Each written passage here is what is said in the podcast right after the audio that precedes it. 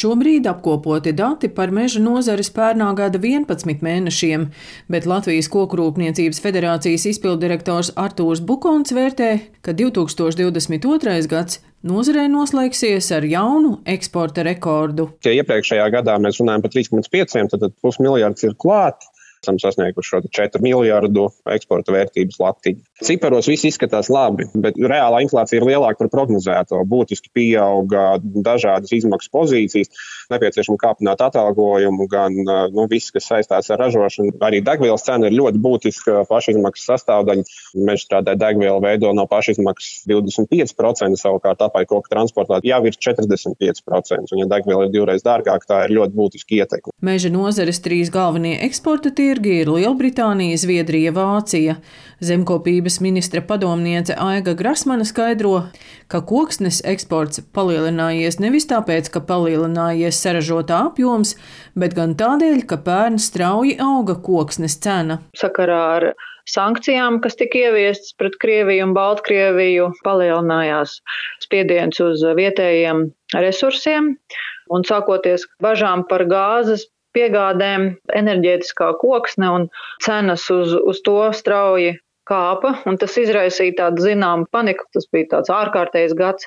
Meža īpašniekiem savukārt tā bija laba iespēja nopelnīt, pārdodot neproduktīvas audzes, kas ir pāraugušas vai, vai bojātas audzes, vai vētras postītas audzes. Tādā ziņā pozitīvi, ka tagad šīs neproduktīvās audzes kāda daļa vismaz ir novāktas, un tad īpašniekiem jārūpējas, lai tur vietā auga jauns un kvalitatīvs mežs.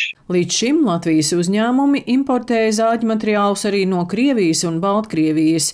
Jau vairākus gadus šie apjomi samazinās. Turpina Artošs Bukons no Latvijas Kokrūpniecības federācijas. Ja iepriekš zāģu materiāla imports mums bija kāds pusotrs miljonus kubikmetru, tad pagājušā gada ietveros mums ir 800 tūkstoši kubikmetru. Tā kā īsti vēl aizstājuši šo apjomu, kas nāca no, no minētajām valstīm, mēs neesam.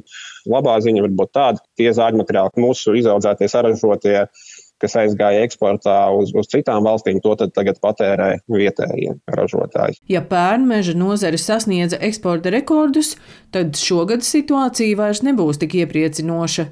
Latvijas Kokrūpniecības federācijas izpildirektors Artūrs Bukons stāsta, ka samazināsies pieprasījums pēc būvmateriāliem, jo noliktavas ir pilnas. Būvniecības apjomi krītās gan dēļ inflācijas un, un citiem aspektiem, un tas, ko mēs redzam jau pagājušā gada izskaņā, 4. ceturksnī, Tas ir ļoti, ļoti strauji cenu kritums, ļoti strauji pieprasījuma kritums. Principā nozare 4. ceturksnī mazināja savus izlaides apjomus par aptuveni 30%.